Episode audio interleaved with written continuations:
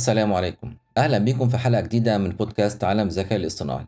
والنهاردة الحلقة عن موقع Midjourney الجديد وإمكانيات جديدة في Midjourney 6 و course سريع Midjourney مش قلنا نتكلم عن Gemini API الحلقة دي؟ الصراحة أنا فعلا كنت بحضر للموضوع ده لكن اكتشفت إن في مفاهيم كتير محتاجين نتكلم عنها قبل ما نتكلم عن جيميناي اي بي اي أو تشات جي بي تي اسيستنت اي بي اي وده اللي أخر الحلقة وقررت أجلها لمرة قادمة إن شاء الله. طب خلينا في Midjourney والموقع الجديد. الموقع الجديد وهو لسه ألفا لكن تقدر دلوقتي تنشئ صور من خلاله. مش محتاج تشغل برنامج Discord عشان إنشاء الصور. قول لنا الأول شكل الموقع وبعدين ندخل في التفاصيل. الموقع شكله بسيط وسهل الاستخدام. تكتب alpha.midjourney.com وتدخل على الموقع. تلاقي text box في النص مكتوب عليه Imagine وتلات لينكات تحتيه أول link random ودي بتطلع صور عشوائية واللي عملها المشتركين زيي وزيك. و hot للصور المشهورة واللي عليها تقييم عالي. وعندك كمان top day و top week و top month للصور المختارة باليوم والأسبوع والشهر. مش عارف الصراحة على أي أساس بيرتبوا الصور بالظبط لكن معظمها يبهر ويستحق نتعلم إزاي نطلع صور زيها.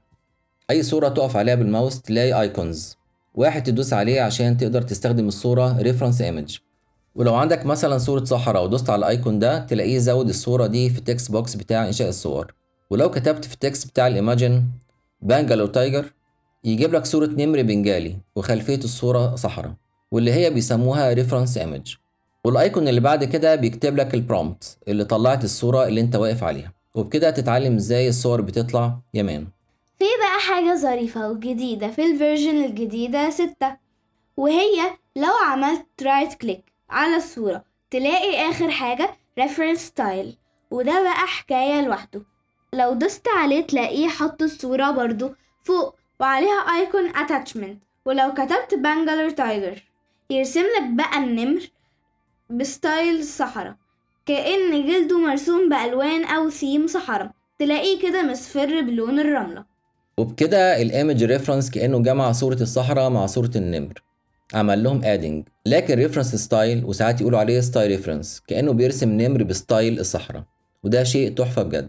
يعني ممكن تدي Midjourney أي صورة بالألوان اللي أنت بتحبها وتكون style reference وتقوله في ال prompt الحاجة اللي أنت عايزها تطلع بنفس ال style والألوان بتاعه الصورة دي. وعلى كده ممكن تحط رسمة لفان جوخ وتقوله في ال prompt kitty cat ويرسم قطة صغيرة بنفس style فان جوخ وكأنه اللي رسمها بالظبط. فعلا وعم فان جوخ لو كان عايش لغاية دلوقتي كان مات بحسرته واللي كان بيعمله في شهر بنطلعه إحنا في ثواني. كم أنت رائع أيها الذكاء الاصطناعي. خليت الواحد بدل ما كان بيمسك ريشة وألوان ولوحة يجيب كوباية شاي ويقعد على الكرسي ويبص لفوق ويتخيل الرسمة. ويكتب اللي تخيله يلاقي الصورة. شبيك لبيك بين إيديك. يلا زمن نبطل فلسفة بقى ونكمل. عايز أقول لكم إن الموقع ده يعلمك ال parameters اللي أنت عمال تحفظ فيها وتتلخبط فيها. إزاي؟ ال text اللي فوق بتاع imagine على اليمين في icon لو دوست عليه يطلع لك كنز من الكنوز. معظم ال parameters اللي انت كنت بتكتبها بإيدك زمان بقيت بتختارها بالماوس. وهو يكتب اللي انت بتختاره في ال prompt النهائي طب إيه رأيك نتكلم عنهم واحد واحد؟ يلا بينا. أول حاجة ال aspect ratio واللي هو مسميه هنا ال image size ومن خلاله يا معلم تختار وانت بتشرب كوباية الشاي بالماوس كده. بورتريت أو square أو landscape وممكن كمان تعدل في ال default values تاني حاجة stylization واللي بتتغير من zero لألف ودي مقياس الإبداع وال creativity اللي أنت عايز Midjourney يحطها في الصورة. وكل ما زودت ال stylization كل ما زاد الإبداع والفن وجمال الصورة. طب ما نخليها ألف على طول. للأسف ما ينفعش لأنه بيجي على حساب ال prompt اللي أنا بكتبها. يعني كل ما كانت ال prompt فيها تفاصيل كتير وكان ال stylization رقم كبير Midjourney يقول لك يا معلم التفاصيل الكتير والإبداع ما يجتمعوش مع بعض. يعني مش هيتأيد بتفصيل قوي يبدع بقى براحته ويتأيد باللي يقدر عليه من المكتوب في ال prompt هو أكيد هينفذ الأساس لكن الرفايع ممكن يسيبها.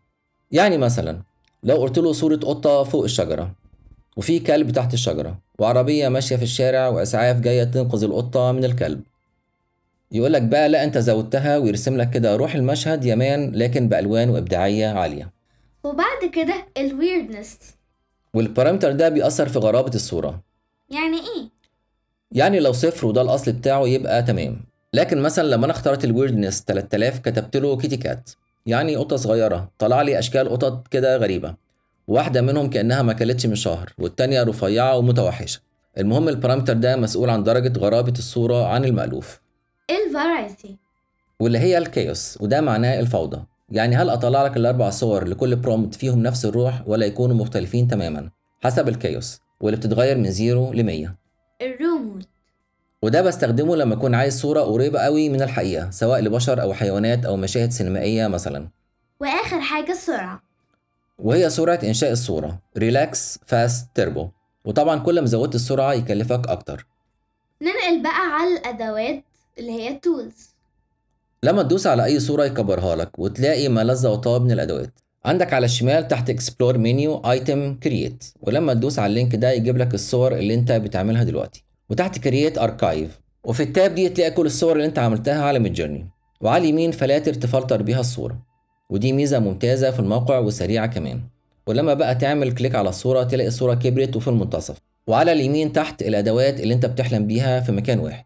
تخليه مثلا يعمل صورة زي اللي انت واقف عليها بس بتعديل بسيط أو تعديل قوي عن طريق vary وكمان لو عايز تعمل pan للصورة وإيه هو البان البان ده بيكون لجميع الاتجاهات فوق وتحت ويمين وشمال. ناخد مثل واحد يفهمنا الباقي. لو ال pan ناحية اليمين بيعمل shift للصورة لليمين بمقدار 512 بكسل والجزء الفاضي من ناحية الشمال هو بيملاه بنفس روح الصورة وكأنه بيتخيل شيء مش موجود وبيألفه. وفي كمان zoom وده بيخليك تكبر الصورة لغاية 4x ومش محتاج بقى برنامج مخصوص يعملك upsize عن طريق الذكاء الاصطناعي. وممكن تعمل ريمكس يعني إيه؟ يعني تكون الصورة هي الأصل مع تعديل أكتبه في ال prompt مش كفاية كده النهاردة؟ تمام كفاية كده النهاردة. أحط لكم link الفيديو بتاع موقع Midjourney الجديد في الوصف. وما تنسوش تشوفوا سلسلة Midjourney من البداية اللي موجودة على القناة وال link برضو في الوصف. اكتبوا لنا رأيكم واقتراحاتكم للحلقات الجاية. أتمنى الحلقة تكون عجبتكم. أراكم بخير يا أحلى متابعين. كان معكم أيمن حامد. وسلمى أيمن حامد. كنتم مع بودكاست عالم الذكاء الاصطناعي. والسلام عليكم ورحمة الله وبركاته.